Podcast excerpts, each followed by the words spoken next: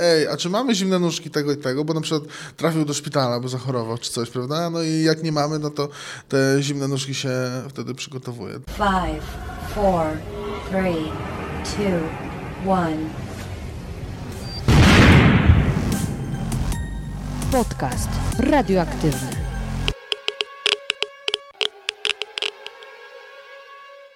Dzień dobry, dzień dobry. Witam Cię w kolejnym odcinku podcastu radioaktywnego. Czy zastanawiałeś się kiedyś, jak wyglądają media od kuchni? Jakie sekrety skrywają przed nami największe redakcje w Polsce i za granicą? Przyznaję, że od momentu, kiedy trzy lata temu związałam się z mediami, moje spojrzenie na to, co każdego dnia słyszę i widzę w telewizji czy w prasie, diametralnie się zmieniło.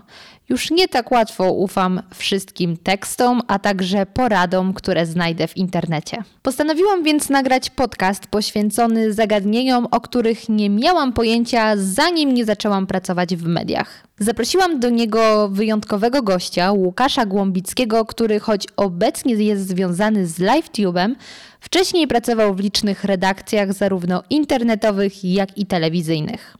Wspólnie zdradzimy Wam kilka sekretów, które nigdy wcześniej nie ujrzały światła dziennego. W dzisiejszym podcaście usłyszysz o tajnych bazach danych, które tworzą redakcje na całym świecie, jak to jest, kiedy media dzielą i zabierają przyjaciół, a także dowiesz się, kto ma obecnie największy wpływ na młodych ludzi i dlaczego jest się czego bać. Przyznaję, że Łukasz jest świetnym rozmówcą i na pewno umówimy się na jeszcze nie jedną rozmowę, bo coś czuję, że wątek nie został wyczerpany. Rzeczy, których nie wiedziałeś, zanim nie zacząłeś pracować w mediach i show biznesie, czyli media i show biznes od kuchni. Jak to wszystko tak naprawdę działa i jak to wygląda? Co Cię najbardziej zaskoczyło? Rzeczą, która mnie zaskoczyła najbardziej na samym początku, to coś, co chyba wszystkich zaskakuje, czyli zimne nóżki, tak zwane. Zimne nóżki to jest coś takiego. Ja akurat pracuję w portalach internetowych, ale w telewizjach też to jest. Nie wiem, czy się tak samo nazywa. Zimne nóżki to jest taki folder na dysku w redakcji, w którym są biografie wszystkich ludzi, którzy mają już swoje lata i mogą zaraz, przepraszam, umrzeć i one są przygotowane po to, że jak ktoś umrze, to żeby nie pisać od początku jego biografii, tylko żeby ona była gotowa już. I one są oczywiście, jak, jak się komuś przypomni, albo ktoś ma dzień bez dyżuru i ma trochę czasu, te zimne nóżki są uaktualniane w miarę na bieżąco, to znaczy podejrzewam, że co kilka miesięcy, raz na pół roku może. Oczywiście często się zdarza tak, że umiera przypadkiem ktoś, kto nie powinien jeszcze umrzeć, bo na przykład zginie w wypadku, no to wtedy wiadomo, że to pisze się mm, y, od początku. Natomiast redakcje są przygotowane na takie sytuacje. E, mało tego, w BBC, z tego co kiedyś czytałem, jest tak, że takie informacje na temat królowej Elżbiety II są uaktualniane bardzo często i nawet są materiały wideo gotowe, przemontowywane raz na jakiś czas, żeby dziennikarze byli gotowi e, na ten dzień. Czytałem też kiedyś, nie wiem czy to jest prawda, nie dam sobie ręki uciąć, ale czytałem e, jakiś czas temu, że CNN, e, kiedy papież Jan Paweł II chorował, kiedy zaczął chorować, czy tam rok, czy dwa lata przed śmiercią, e, CNN wynajęło dach naprzeciwko tego okna papieskiego, żeby jak przyjdzie co do czego, żeby mieć najlepszy shot, że tak powiem, żeby z najlepszego miejsca relacjonować to, co się dzieje. To moje pytanie od razu, czy jest jakaś granica wieku, od kiedy jesteś już predysponowany, żeby wpaść do tego czarnego folderu? Chyba nie ma. Wydaje mi się, że to zależy od y, tego, w jakim jesteś stanie i czy chorujesz, czy nie. Ale właśnie wyobraziłam sobie sytuację, w której masz 70 lat i w redakcji już ktoś mówi, o, 70 lat, wrzucamy go ta, może się tak zdarzyć, że na kolegium powie, ej, a czy mamy zimne nóżki tego i tego, bo na przykład trafił do szpitala, bo zachorował, czy coś, prawda? No i jak nie mamy, no to te zimne nóżki się wtedy przygotowuje. Tak, to, to była taka rzecz, która mnie najbardziej zdziwiła. Ja też chciałem od razu podkreślić, że to nie jest absolutnie żerowanie na temat czyjejś śmierci i że mm, ja wiem, że to strasznie brzmi, ale to ma swoje logiczne wytłumaczenie.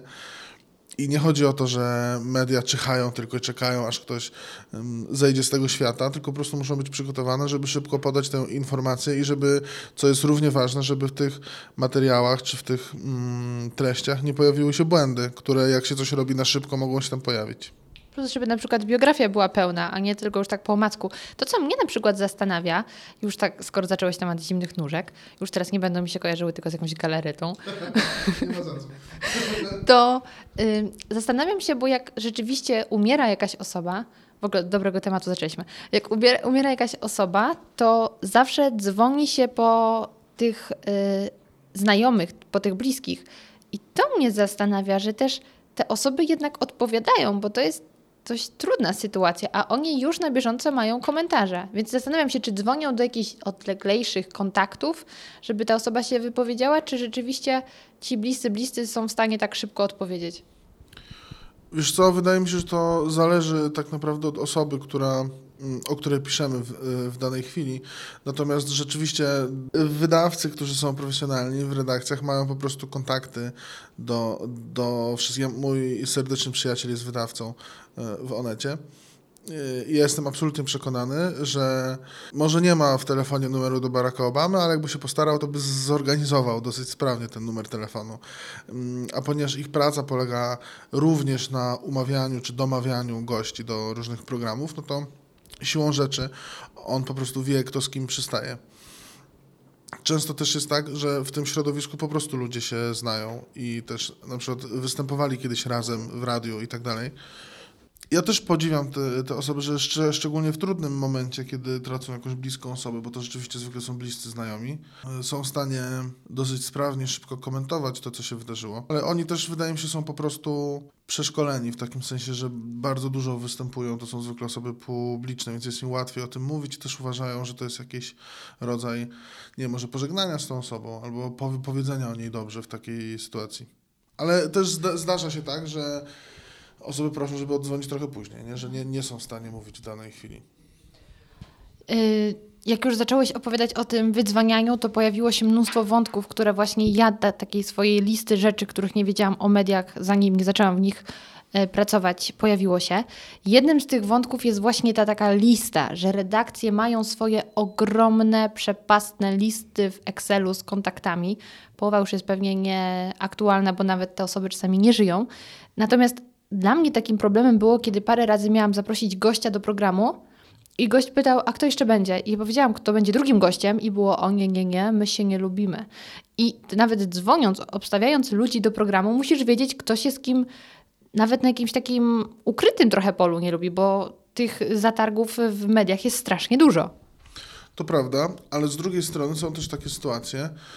Mm, Teraz faktycznie mm, sytuacja polityczna jest tak mocno zaogniona, że to się zdarza rzadziej. Natomiast ja pracowałem kiedyś przy programie publicystycznym i tam było tak, że wy, wydawca tego programu bardzo dbała o to, żeby goście się nie widzieli przed programem. I każdy z gości siedział w osobnym pomieszczeniu i był malowany w osobnym miejscu, żeby się przed programem nie spotkały. Z kolei co wiemy również z różnych tam e, making-offowych produkcji e, w TVN24, bardzo często goście się spotykają w jednym pokoju przed e, wejściem do jakiegoś programu i kiedyś jeszcze było tak, że bardzo często osoby z przeciwnych biegunów politycznych bardzo kłóciły się na antenie, po czym wsiadały razem w taksówkę, jechały razem na kolację czy coś takiego. Dzisiaj z tego co wiem, chociaż nie zajmuję się polityką od dłuższego czasu, Jesteś przez to zdrowszy? Tak, mniej się stresuję pracą, muszę przyznać, to dużo bardziej emocjonalnie się angażowałem w to, co się dzieje politycznie w Polsce, kiedy na co dzień się tym zajmowałem. Dzisiaj, z tego co słyszę od, od, od znajomych, te podziały są większe i oni wręcz mniej się lubią, te osoby, niż, niż jeszcze kiedyś. No to taka branża chyba.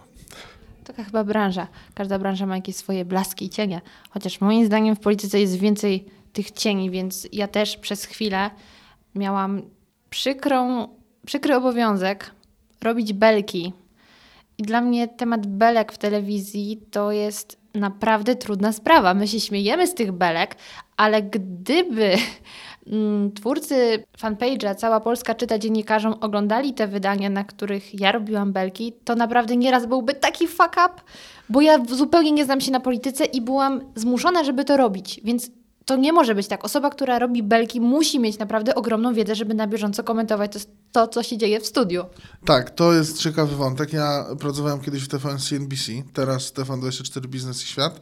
Jeszcze wtedy e, TVN CNBC było bardzo rynkową, giełdową, biznesową stacją E, i czasami miałem dyżury na trio tak zwanym. Trio to był system właśnie belek i Bo tutaj też trzeba rozróżnić scrolla i trio. Scroll to są te paski, które lecą sobie na dole z różnymi informacjami, a trio, czyli bel, belki, to były takie większe belki, gdzie na przykład e, oprócz informacji, o których mówiliśmy w danej chwili, e, podczas rozmowy z gościem cytowało się gościa. I pamiętam, że to były najbardziej stresujące, to było też lata temu, bo ja w 2012 roku przestałem, w 2000, na koniec 2011 roku przestałem pracować w TVN CNBC, mm, kiedy przychodzi prezes spółki giełdowej i mówi mega skomplikowane rzeczy i my musimy go zacytować po pierwsze szybko, bo obok siedzi wydawca, pozdrawiam Agatę Gorgoń z tego miejsca, która wymaga, żeby bardzo szybko te cytaty się pojawiły na antenie,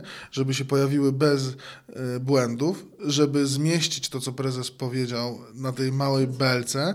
Mało tego, żeby wybrać odpowiednią belkę, ponieważ e, w programach informacyjnych zwykle belki mają po prostu swoje kolory. Biała, żółta, koniec. W CNBC rodzajów belek mieliśmy kilkadziesiąt bo do inflacji były inne, były z osobną animacją, do tam pamiętam kleszcze długu, wojny walutowe, do, do, do dzisiaj pamiętam te y, nazwy tych belek i w zależności od tego, o czym była rozmowa, to dawaliśmy inną belkę, I więc trzeba było ją z listy wybrać, trzeba było wpisać, sprawdzić, czy dobrze działa i wypuścić. I trzeba było się nie pomylić, ponieważ jest to spółka giełdowa i gdybyśmy podali na y, trio coś, co pre, czego prezes nie powiedział, no to generalnie byłoby kiepsko. Y, pamiętam, że strasznie się denerwowałem przed pierwszymi moimi dyżurami na trio, one były bardzo ciekawe. W ogóle praca w reżyserce jest też bardzo ciekawa, to wszystko, co tam się dzieje. Moim zdaniem tam jest największe stężenie adrenaliny i testosteronu na centymetr kwadratowy. Tam to, co się dzieje, to jest niesamowity no niesamowite wibracje i mnie to przerastało. Ja nie mogę w takim, takim środowisku żyć, bo mnie to zabijało. Jeszcze właśnie ten stres. Ja swojego wydawcy może nie będę pozdrawiać, ale rzeczywiście te wymagania, że musi być idealnie żadnych literówek, mimo że ty nie masz bladego pojęcia o czym to jest, musi być dobre, bo zaraz to będzie na żywo i cała Polska czyta dziennikarzom. To prawda. W CNBC były też takie sytuacje, kiedy schodziły jakieś pilne dane z Reutera i trzeba je było bardzo szybko przetłumaczyć i wrzucić na właśnie... Mieliśmy też belkę pilna i belkę ważna. Y, pilne i ważne, tak? Pilna jest dalej. Y, tak, tak.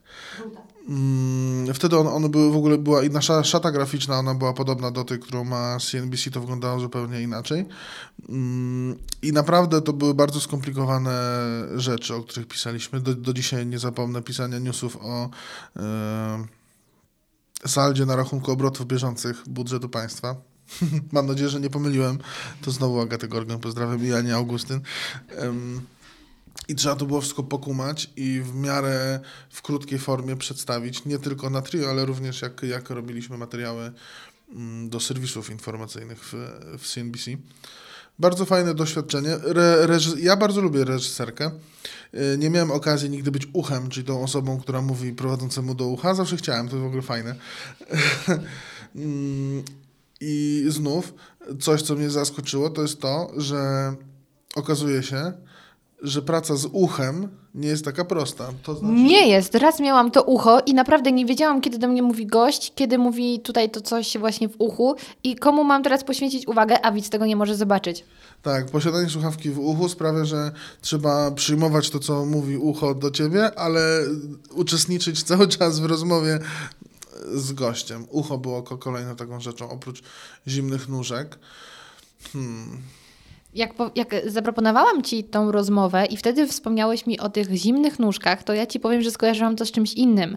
Ja to skojarzyłam z sytuacją, kiedy jest jakaś, e, jakieś wydarzenie, albo nawet nie większe wydarzenie, ale jakiś wypadek był i jest trochę rannych, albo coś się niesamowitego wydarzyło i wtedy jest super, to się kliknie, to się obejrzy. Ja myślałam, że o tych zimnych nóżkach mówisz, a to się jednak, zimne nóżki to trochę inne.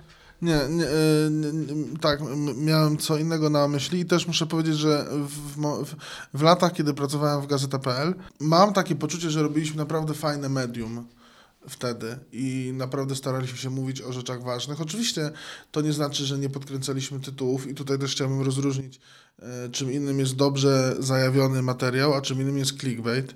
E, ja też e, w, na szkoleniach i w prezentacjach o tym często mówię, że nie zgadzam się ze sformułowaniem takim, że clickbaity są złe.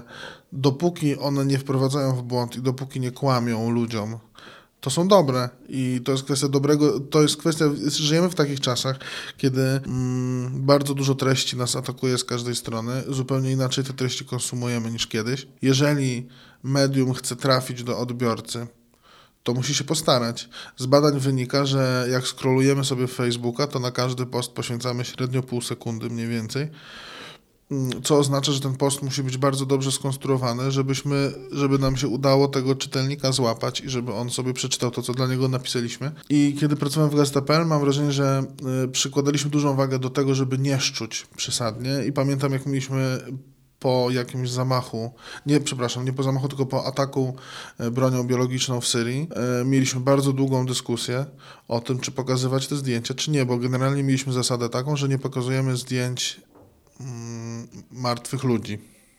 I bardzo długo się zastanawialiśmy, czy te zdjęcia pokazać, czy nie, i czy je blurować, czy nie, jak to zrobić. I w końcu padła decyzja, nie była jednogłośna wcale, dosyć długo o tym rozmawialiśmy, dyskutowaliśmy, że te zdjęcia pokażemy, ponieważ jest to. Nie da się przekazać tego ładunku emocjonalnego, nie pokazując tych zdjęć, a to jest jednak jakiś ogrom yy, tragedii bił z tych fotografii i wtedy po raz pierwszy pokazaliśmy na, na gazeta.pl zdjęcia, w których było widać osoby martwe, zamordowane, czy które zginęły w, w ataku.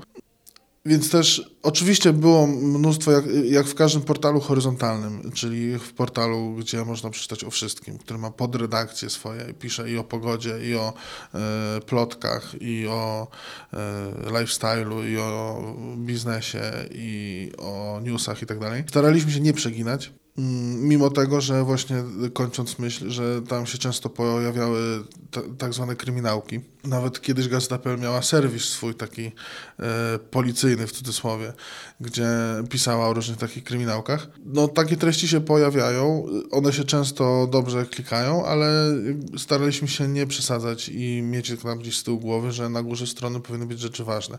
Oczywiście media się zmieniają i dzisiaj te strony główne serwisów tych wiodących wyglądają zupełnie inaczej niż kiedyś i są tam zupełnie inne treści niż kiedyś. Ale to wszystko wynika z tego, że one muszą się utrzymywać w jakiś sposób. Nigdy nie było tak, że ludzie y, woleli poezję i filozofię od chleba i igrzysk. Zawsze woleli chleb i igrzyska i to się niestety nie zmienia. Dokładnie ten wątek poruszyłam z Andrzejem Tucholskim w ostatnim podcaście i Andrzej też mi powiedział, że to nie jest tak, że dziennikarze mają swoich czytelników za idiotów, co ja już momentami miałam takie wrażenie. Tylko właśnie mówi, że ci ludzie mają kredyty i oni wiedzą, że to się musi kliknąć. Więc no, no ludzie tego oczekują, więc to dostają. Oczywiście, no mm, raz, że ludzie mają kredyty, dwa, że y, te wydawnictwa mają kredyty i mają pracowników i mają spadające zasięgi. I nie jest łatwo robić treść dzisiaj, w sytuacji, w której większość treści czerpiemy z mediów społecznościowych e, i algorytmy od jakiegoś czasu nie są przyjazne. Nikomu, nikomu, powiem Ci, nawet zwykłym blogerom bardzo nie są przyjazne. A Instagram, to co się dzieje teraz? Zło. E, więc trudno jest docierać do tych ludzi, trzeba się starać jakoś do nich docierać, bo wiesz, jakby koniec końców najważniejsze jest to, żeby ludzie weszli na tę twoją stronę i przeczytali to, co masz im do powiedzenia. Mm, choć to wcale nie oznacza, że im lepsze treści, tym się lepiej klikają właśnie. Nie, niestety nie mówię, bo dla mnie problemem, o czym wspominałem też... Yy, podczas prezentacji na TEDxie ostatnio, że dzisiaj problemem jest ogrom treści, które do nas trafiają. Bo kiedyś było tak, że wracaliśmy sobie po pracy do domu, włączyliśmy fakty albo wiadomości i dostawaliśmy tam 10 newsów powiedzmy. Jak nam było mało, to kupowaliśmy rano prasę, e, dziennik drukowany i dostawaliśmy kolejnych 20-30. Mieliśmy kilkadziesiąt newsów dziennie, które sami sobie, sami sobie kupiliśmy w cudzysłowie, tak? Potem ro, rozwijał się bardzo mocno internet i powstawały y, stacje, całodobowe stacje informacyjne i nagle się okazało, że z tych kilkudziesięciu mamy kilkaset newsów dziennie ale mamy je niejako na żądanie. Czyli jak włączymy telewizor, to je mamy, wyłączamy, nie mamy i tak samo było z internetem. Jak usiądziemy do komputera i wejdziemy na tę stronę, to czytamy newsy, wychodzimy, nie czytamy. I potem się pojawiły media społecznościowe, których ja jestem w, oczywiście fanem, żeby była jasność. Trochę nie masz wyjścia. Co, co widać po mojej aktywności, e, również ja żyję z nich w takim sensie, że moja praca w dużej mierze polega na pracy w, czy obok, czy na mediach społecznościowych. Mm, I potem się pojawiły media społecznościowe, które na początku miały nam umożliwić mm, kontakt ze znajomymi, potem miały nam dać rozrywkę, a w tej chwili te media społecznościowe są pośrednikiem, yy, który nie na żądanie, tylko po prostu zalewa nas z różnych stron informacjami. I tych bodźców mamy mnóstwo. Tysiące dziennie bodźców nas otacza z każdej strony. I to są różne oczywiście e, przekazy, tak? I różne to są treści. Przez reklamowe po treści z mediów, artykuły, wideo i tak dalej. YouTube jest o tyle bezpieczniejszy, że na YouTube'a wchodzimy po to, żeby obejrzeć film. Na Facebooka wchodzimy po milion różnych rzeczy. E, Więc przy okazji różne inne rzeczy nas atakują z tamtej strony. I rzadko ostatecznie robimy tą rzecz, po którą weszliśmy na Facebooku. Tak, tak. Ja nie wiem, oczywiście, gdybym wiedział, jak rozwiązać ten problem, to pewnie byłbym milionerem dzisiaj. nie wiem, jak go rozwiązać, ale istotne chyba jest bardzo to, żeby pamiętać o tym, jak to działa i też nie dać się zamykać w bańki, bo kolejnym problemem, który poszedł za zalgorytmizowaniem mediów społecznościowych, to jest to, że się zamykamy w bańkach że tkwimy sobie w swojej bańce informacyjnej. I tak było w Stanach przed wyborami. W Polsce było bardzo podob- podobnie, że ludzie nawet nie wiedzą, że jest jakaś druga strona. To znaczy, jak czasem, zupełnym przypadkiem, druga część Facebooka, ta, z którą ja się nie zgadzam ideologicznie, się przedostanie na mój, na mój feed, to ja jestem w ciężkim szoku, bo mm, i to jest oczywiście przebadane w ogóle psychologicznie i socjologicznie, że siłą rzeczy lepiej się angażujemy w treści czy w komunikaty, z którymi się zgadzamy, które są zgodne z naszymi przekonaniami, a mniej klikamy w te, z którymi się nie zgadzamy, więc możemy doprowadzić do tego, że widzimy tylko to, co lubimy, z czym się zgadzamy i zupełnie nie mamy świadomości tego, że jest jakaś druga strona, a ona jest i że w niej buzuje, tak było w Stanach, że ta druga strona buzowała po prostu. Ostatnio czytałem jakieś doniesienia o tym, że Donald Trump był przekonany, że przegra wybory i zrobił to po to, żeby mieć lepszą reklamę dla swoich biznesów i nagle się okazało, że wygrał, bo tam wrzało z drugiej strony. Abstrahując oczywiście od troli internetowych i tej całej kampanii fake newsowej, która dookoła tego wszystkiego miała miejsce, którą ktoś a najpewniej Rosja wykorzystał do, do, do tego, żeby, żeby w jakiś tam sposób pokierować wyborami ludzi. I to jest też bardzo niebezpieczne w fake newsach, że to nie my decydujemy. Wierząc w fake newsy, jeżeli się nie nauczymy z nimi walczyć, to in, ktoś inny będzie decydował o tym, kto u nas wybory wygrywa na przykład, albo czy szczepimy dzieci, czy nie. To nie będą nasze decyzje zupełnie, to ktoś za nas zadecyduje, bo my będziemy szli, szli ślepo owieczki na rzeź, tak się mówi? Chyba tak. Chyba tak. No. Ale to nie było coś, co mnie zaskoczyło w mediach. Ro, ro, rozgadałem się o zupełnie innym temacie. Przepraszam za to. To ja tylko uzupełnię to, co powiedziałeś, bo to jest prawda, że my uwielbiamy szukać potwierdzenia naszych decyzji. Nawet jak podejmiemy jakąś decyzję i się później okazuje, że ona była błędna, to szukamy wytłumaczenia, że to jednak było dobre, ale okoliczności były takie, że musieliśmy to zrobić, bo zachodzi dysonans poznawczy. I problemem jest to, że nawet jeśli e, oprócz tego, że te wiadomości nas zasypują zgodne z naszymi przekonaniami, to też my w ogóle nie czujemy potrzeby szukać informacji, jakie dostaje druga strona. I to jest ten, ta słabość, że my później nie wiemy, jak druga strona myśli. A w momencie, kiedy my dowiemy się, co myśli druga strona, tak jak na święta, nie oglądam w ogóle telewizji, ale e, najpierw obejrzałam z rodzicami fakty, później włączyłam wiadomości i nagle, kurczę, no kraj dobrobytu.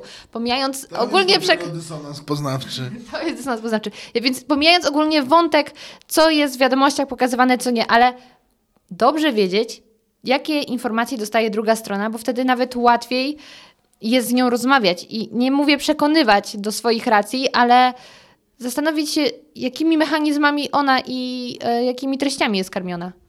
To jest też przykre i to, co powiem zaraz, nigdy tego nie mówiłem publicznie, bo uważałem, że mm, może nie powinienem, albo że to nie moja sprawa, albo że po prostu powinienem o czymś tam zapomnieć i nie zwracać uwagi, ale też ostatnio obejrzałem wiadomości, więc to powiem. Najgorsze w tym wszystkim, co się dzieje z mediami dzisiaj, abstrahując już od tych rzeczy, o których powie- powiedzieliśmy, związanymi z mediami społecznościowymi, ale tak patrząc trochę politycznie i po tym, co się dzieje w mediach pu- publicznych. Z jednej strony przykre jest to, że mnóstwo ludzi tam pracuje, bo po prostu nie ma innej opcji. Ja to zdaję sobie z tego sprawę. I są też osoby, które powinny mm, stamtąd odejść, bo takiego gówna się nie robi ludziom z głowy, w głowie. I dlaczego o tym mówię? Mówię o tym dlatego, że w telewizji publicznej pracuje moich dwóch kolegów, z którymi pracowałem w TVN-ie. Z jednym z nich się nawet kiedyś przyjaźniłem. Mm, I ja widzę ich materiały i znam ich. Pracowaliśmy razem kupę lat i spotykaliśmy się i wiemy, jakie mamy pog- poglądy i nigdy się nie różniliśmy w tych poglądach. E, A dzisiaj oglądam ich materiały i nie wierzę własnym uszom ani oczom. I zastanawiam się, jak można się sprzedać za takie marne pieniądze. Bo ja rozumiem, jak kraść to miliony, nie? W sensie, okej, zeszmacę się przez najbliższe dwa lata, ale nie będę musiał nic więcej potem robić, będę miał, wiesz, ziemię na Mazurach i wszystko w dupie. Mm, To, to nie są takie stawki. Ja rozumiem, że one są lepsze niż mieli wcześniej i super, bo trzeba zarabiać coraz więcej. Ja bardzo kibicuję wszystkim, którzy e, chcą zarabiać e, i, i którzy się rozwijają, ale to jest dramat. Tego się nie da oglądać. Oni po prostu kłamią. Ja tego nie jestem w stanie zrozumieć. Nie jestem w stanie zrozumieć.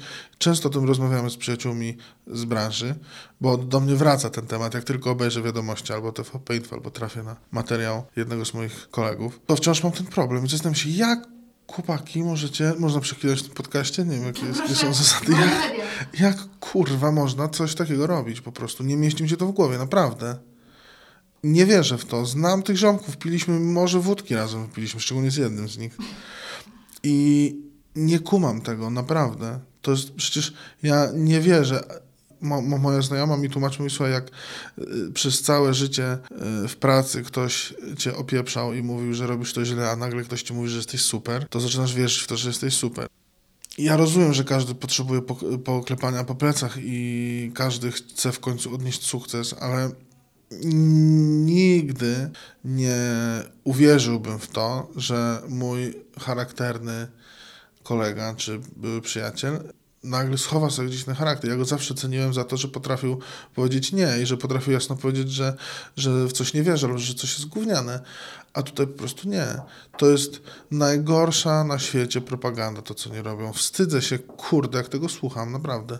Okropne to jest. I mam oczywiście kupę pretensji do nich bezpośrednio, ale mam też kupę pretensji do tego, że ten system tak wygląda i że ktoś doprowadza do tego, że ci ludzie opowiadają takie rzeczy i że moja babcia o, nie ma TVN24, ogląda tylko TVP Info i dzwoni do mnie i mówi, że wiesz, prawie 10 milionów ludzi, czy tam 8 oglądało tego Sylwestra, że najlepszy był. No oczywiście, że był najlepszy, bo już mówiliśmy o tym, ludzie zawsze wolą chleb i igrzyska od zabaw intelektualnych. Tylko, że mm, moja babcia jest w tej wyjątkowej sytuacji, że ma dostęp do nas i my z nią o tych rzeczach rozmawiamy i ona też dzieli przez dwa to wszystko, co tam się dzieje. Ale jest mnóstwo osób, które tego nie dzielą przez dwa i które to po prostu chłoną. I to jest wstyd, że media publiczne w taki sposób wyglądają, bo nie powinny i nie powinny być nazywane mediami publicznymi po prostu. Bo to raczej nie ma już nic wspólnego z dziennikarstwem, a bardziej e, z teatrem trochę.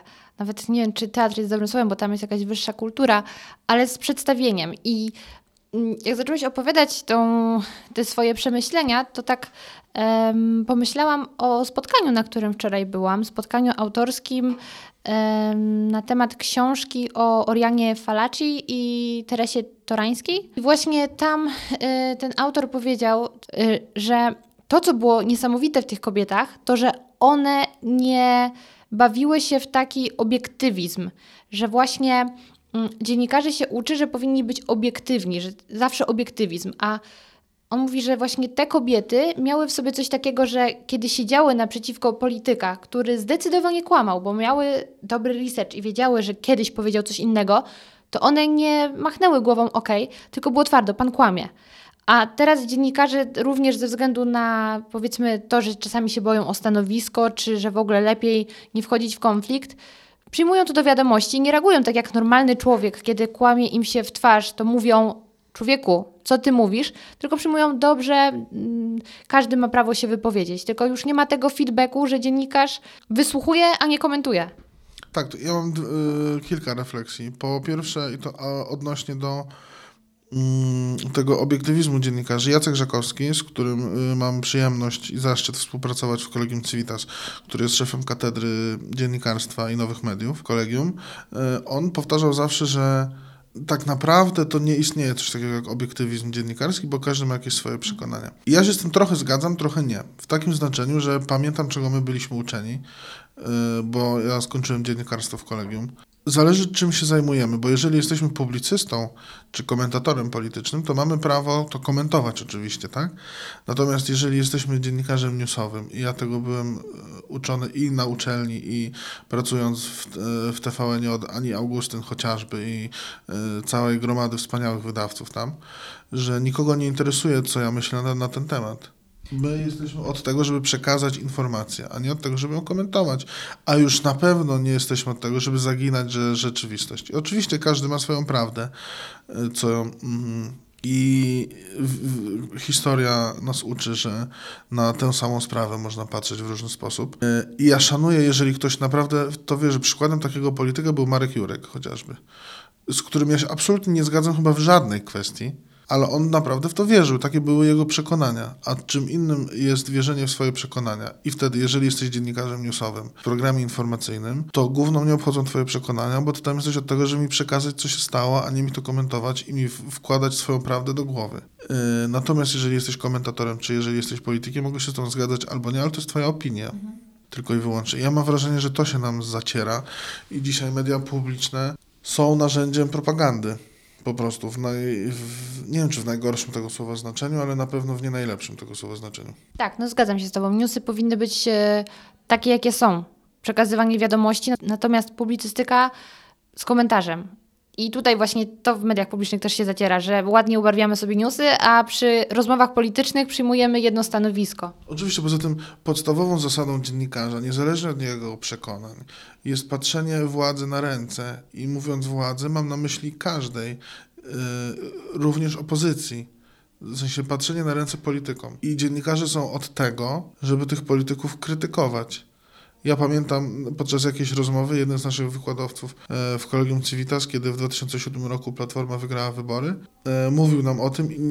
Nie chcę mówić kto, dlatego że nie pamiętam, czy to padło w przestrzeni publicznej, czy nie, czy tylko na naszym wewnętrznym spotkaniu. Natomiast mówił, że jako dziennikarze będziemy musieli bardzo się skupić na tym, żeby krytykować Platformę, dlatego że bardzo krytykowaliśmy ich poprzedników i wręcz zachęcaliśmy do tego, żeby Platforma dała sobie wszystko, żeby wygrała wybory, ale to nie znaczy, że mamy ich chwalić. My jesteśmy tak, żeby ich krytykować.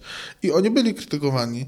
E, wiadomo, że jakby, wiesz, oni byli 8 lat przy władzy, więc, ale w tym początku, i też media się wtedy zmienia, zmieniały, ale w tym początkowym stadium naprawdę to nie było tak, że wszyscy przyklasnęli, wszyscy byli szczęśliwi, wszyscy byli za nimi. Nie ma takiego dziennikarstwa dzisiaj, mam wrażenie. Inaczej, bo obraziłbym y, szanownych kolegów i koleżanki, z którymi współwykładam w Kolegium Civitas. Mało jest takiego dziennikarstwa dzisiaj, za mało. Podcast radioaktywny.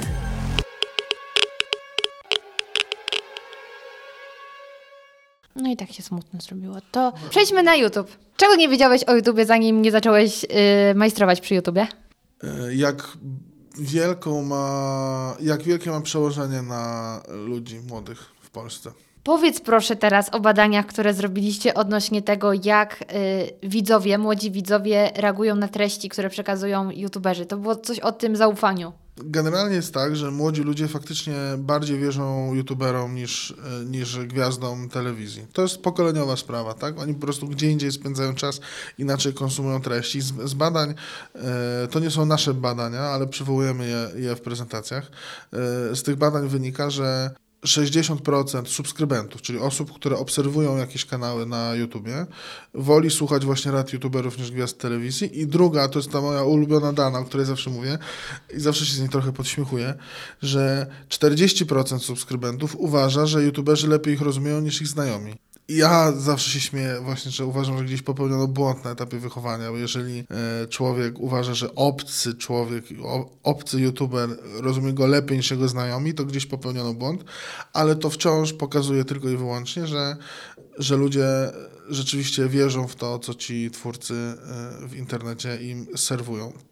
I to jest też bardzo ważne, w sensie ba, ba, bardzo ważne, żeby o tym pamiętać, tworząc te treści na YouTube. My w kolegium na Wydziale Dziennikarstwa i Nowych Mediów stworzyliśmy taką specjalizację dla twórców, czy o twórcach internetowych, o influencer marketingu, o tworzeniu własnych treści. I tam od przyszłego semestru będzie prowadził zajęcie innymi Karol Paciorek, yy, a kolejne zajęcie o blogach będzie prowadził Piotr Stanisławski i Ola Stanisławska z bloga crazynauka.pl, bo mam wrażenie, że bardzo jest istotne, biorąc pod uwagę to, że jest bardzo dużo bardzo słabych jakościowo treści na YouTubie i w LiveTubie, w którym pracuję teraz, mam przyjemność pracować, e, bardzo jest dla nas ważne to, żeby te treści e, tworzone przez naszych twórców były jak najlepsze.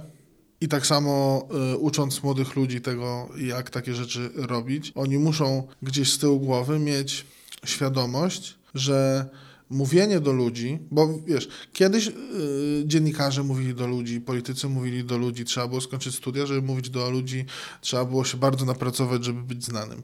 Dzisiaj każdy może być influencerem i każdy może wywierać jakiś wpływ. Więc jeżeli mówimy do ludzi, oni nas słuchają, to to niesie za sobą ogromną odpowiedzialność, o której nie wszyscy myślą. Yy, bo... Tutaj jedna rzecz przyszła mi do głowy, że dziennikarze zawsze mówili do ludzi, natomiast od dawna się mówi, że gdyby nie politycy, to dziennikarze byli na pierwszym miejscu zawodów, do których nie ma zaufania. Natomiast w przypadku influencerów jest to, że do nich się ma zaufanie. Oni też mówią, ale jest to zaufanie, którego nie zawsze mieli dziennikarze. Tak, bo oni są odbierani jako tacy jak my że to są nasi koledzy, a nie wielkie gwiazdy, mimo że są gwiazdami. Niektórzy szcz szczególnie. I wydaje mi się, że jeżeli chcemy, żeby na YouTubie i w ogóle w przestrzeni internetowej pojawiały się dobre jakościowe treści, które nie robią krzywdy i które nie są szanujące, to trzeba edukować ludzi, którzy będą to robić. W sensie właśnie tłumaczyć im, że jeżeli mówisz do kogoś i ktoś cię słucha i ktoś ci wierzy, to to nie jest tylko zabawa. Znaczy, to jest, trzeba brać odpowiedzialność za słowo i za te treści. I moim zdaniem bardzo fajnym przykładem na to jest na przykład Ziemniak, jeden z naszych twórców, który bardzo dużą. Ziemniak ma młodszą siostrę, która go ogląda, i on bardzo często powtarza, Madzionka. I Ziemniak bardzo często powtarza, że on nie przeklinał siebie na kanale i stara się, żeby te treści były ciekawe y, i żeby były po prostu bardzo dobrej jakości. Niezależnie od tego, o czym się mówi, tak? No bo jakby możemy sobie wybrać dowolny temat i jesteśmy sobie w stanie, myślę, że w 5 minut wymyślić coś fajnego, co można mówić na ten temat i coś bardzo słabego, co można mówić na ten temat. Ważne jest to, żeby te treści były coraz lepsze, również dla samych twórców, którzy jeżeli chcą, żeby to był ich zawód i chcą zarabiać pieniądze, to te treści muszą robić po prostu dobre, bo w przeciwnym razie marki, które też wiedzą coraz więcej na temat influencer marketingu, żeby wydawały więcej pieniędzy na twórców, to one chcą, żeby ci twórcy coś super, żeby ci twórcy się wpisywali w strategię komunikacji tej marki, tak, żeby byli godni zaufania i tak dalej. Treści na YouTube są różne. Wiadomo, że można znaleźć na YouTube treści świetne, można znaleźć na YouTube treści bardzo słabe. Y, my kibicujemy tym świetnym. E, jeśli chodzi o ten influencer marketing, to powstaje coraz więcej platform, które pośredniczy między kontaktem właśnie między firmami, a tymi, no mi jest bliższy jeszcze Instagram. I to, co dla mnie jest naprawdę słabe, to, że te marki jakby nie zawsze mają to przemyślane i one mają jakiś produkt i oni ten produkt rzucają i dają dziewczynom yy, wiadomość, słuchajcie, w ciągu dwóch dni to proszę zrobić. I nagle przez to, że ja na przykład śledzę konta fitnessowe, to wiadomo, nie śledzę jednej osoby, tylko śledzę ich masę. I kiedy jednego dnia, albo no w ciągu dwóch dni, nagle całą tablicę mam z tym samym produktem, to ja już nie wierzę, że ta dziewczyna mi ten produkt poleca, tylko że dostały informację, słuchaj, do dzisiaj, do, do południa musisz to zrobić. Więc fajnie, że marki się tego uczą, bo myślę, że tego typu akcje no, nie są zbyt wydajne. Fajnie ten produkt, współpracę rozłożyć na dłużej, niech ten produkt zostanie pokazany w ciągu miesiąca, a nie jeden wieczór i leci wszystko. Oczywiście Ania Miotk napisała ostatnio na swoim Facebooku taką notkę, y, dlaczego y, zabrania studentom Y, używania w tytułach prac wpływu influencerów, bo to się bardzo ciężko mierzy. I faktycznie jest tak, że wśród szczególnie mniejszych influencerów y, ciężko ten wpływ pomierzyć, natomiast trzeba go mierzyć, tak? To znaczy, ja nie chcę przez to powiedzieć, że mali czy średni influencerzy są niegodni zaufania i nie mają żadnego wpływu. Absolutnie nie, y, bo jest mnóstwo takich, którzy mają dotarcie do małej grupy, ale bardzo wiernej na przykład, y, bardzo zaangażowanej w to, co robi dany twórca i oni to przełożenie mają bardzo duże na tę grupę swoją. Natomiast y, nie można wszystkich traktować tak samo i po prostu trzeba mm, sprawdzać, mierzyć, starać się jak najwięcej e, rzeczy mierzyć, żeby te działania wychodziły fajnie. Mm, Bo ja- jak wszyscy wiemy, też bardzo łatwo jest dzisiaj zostać influencerem. Mnie nawet bawi, jak niektórzy y, włącza się konto właśnie na Instagramie jest podpisane influencer.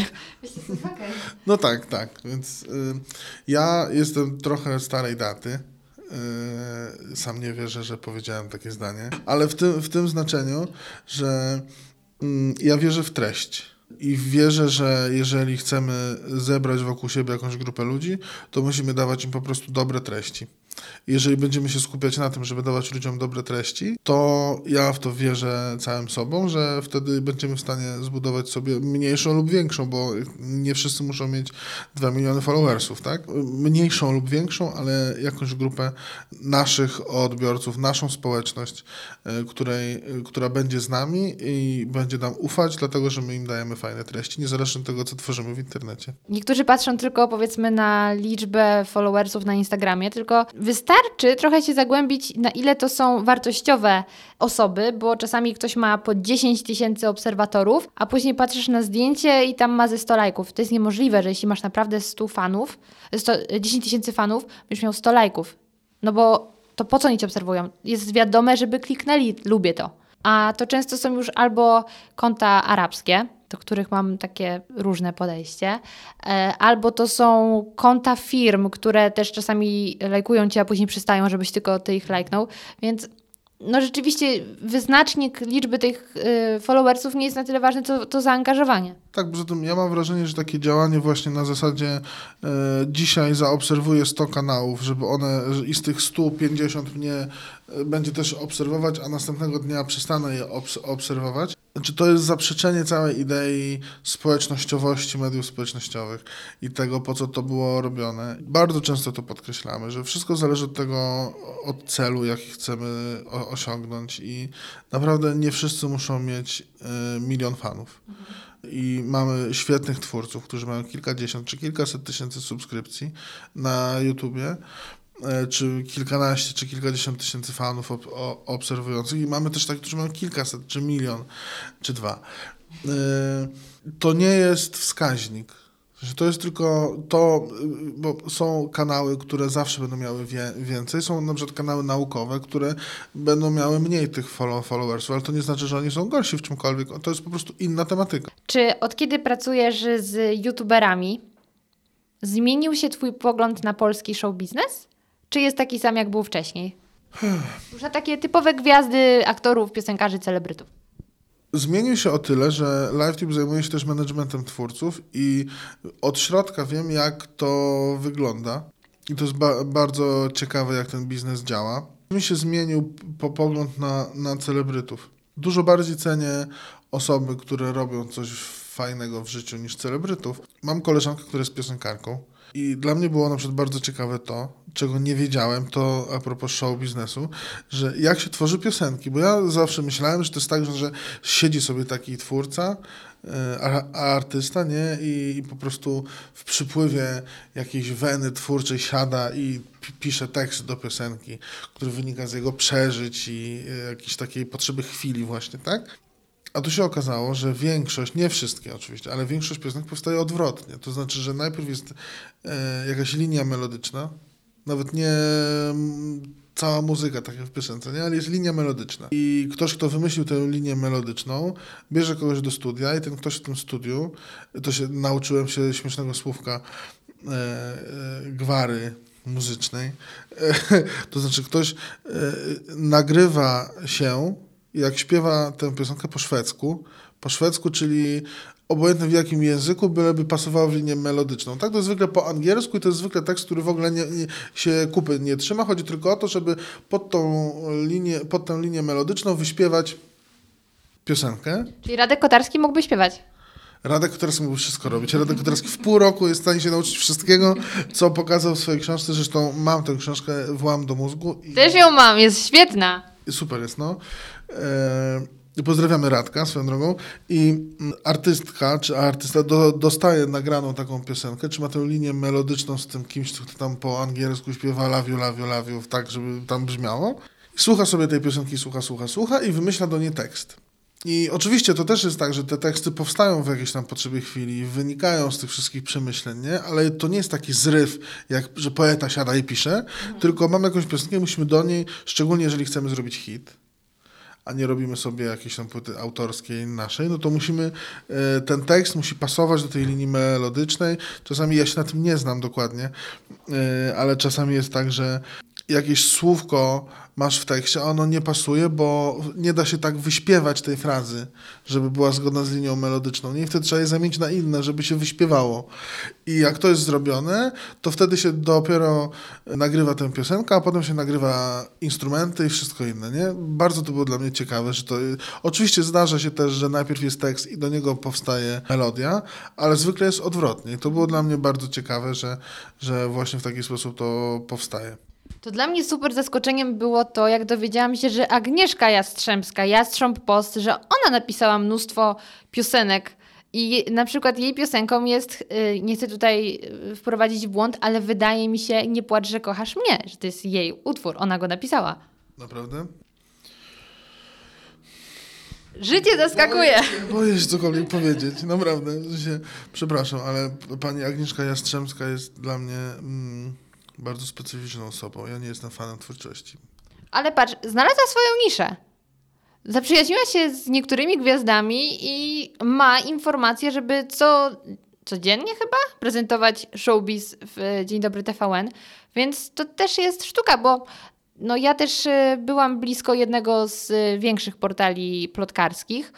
No to to, co mnie zaskakuje, że naprawdę ci ludzie się znają. Oni się znają z tymi gwiazdami i piszą czasami takie głupoty, a te gwiazdy czasem się na to zgadzają, czasem powiedzą, że są obrażone, ale i tak później przychodzi co do czego jest ścianga i dają kolejny wywiad.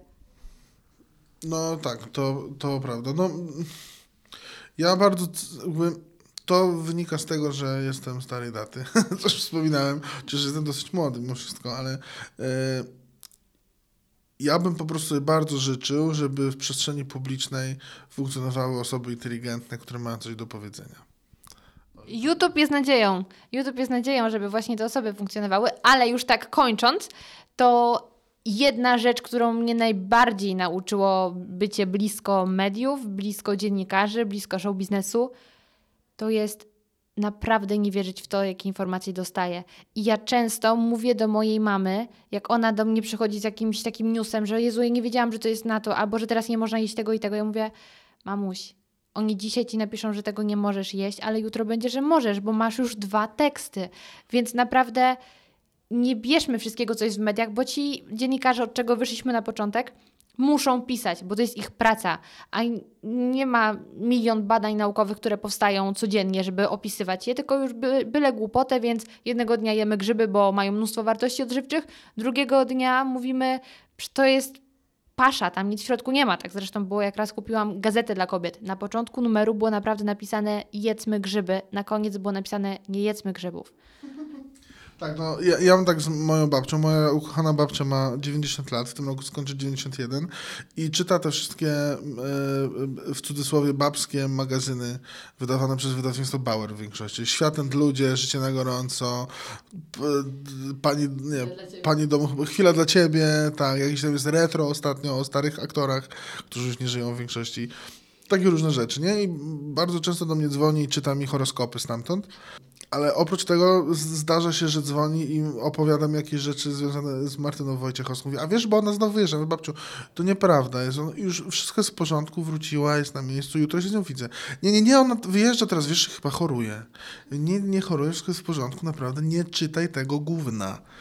No ale tak, ale są tam horoskopy i mm, często jak babcie boli kręgosłup, to oni piszą o tym, co zrobić, żeby ją mniej bolał, więc, więc, więc e, ona to czyta. Jeszcze, jeżeli kończymy, ja mam o, o, ostatnie zdanie, które chciałem powiedzieć. Te, też go nigdy nie mówiłem pu publicznie, ale ostatnie wydarzenia do tego zmusiły.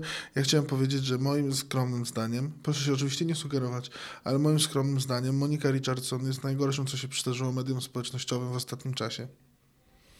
I zostawiasz trzy kropki, bo ja nie wiem, co się wydarzyło, czyli teraz włączam i sprawdzam. Weź na Instagram, to wystarczy naprawdę jakiś dramat.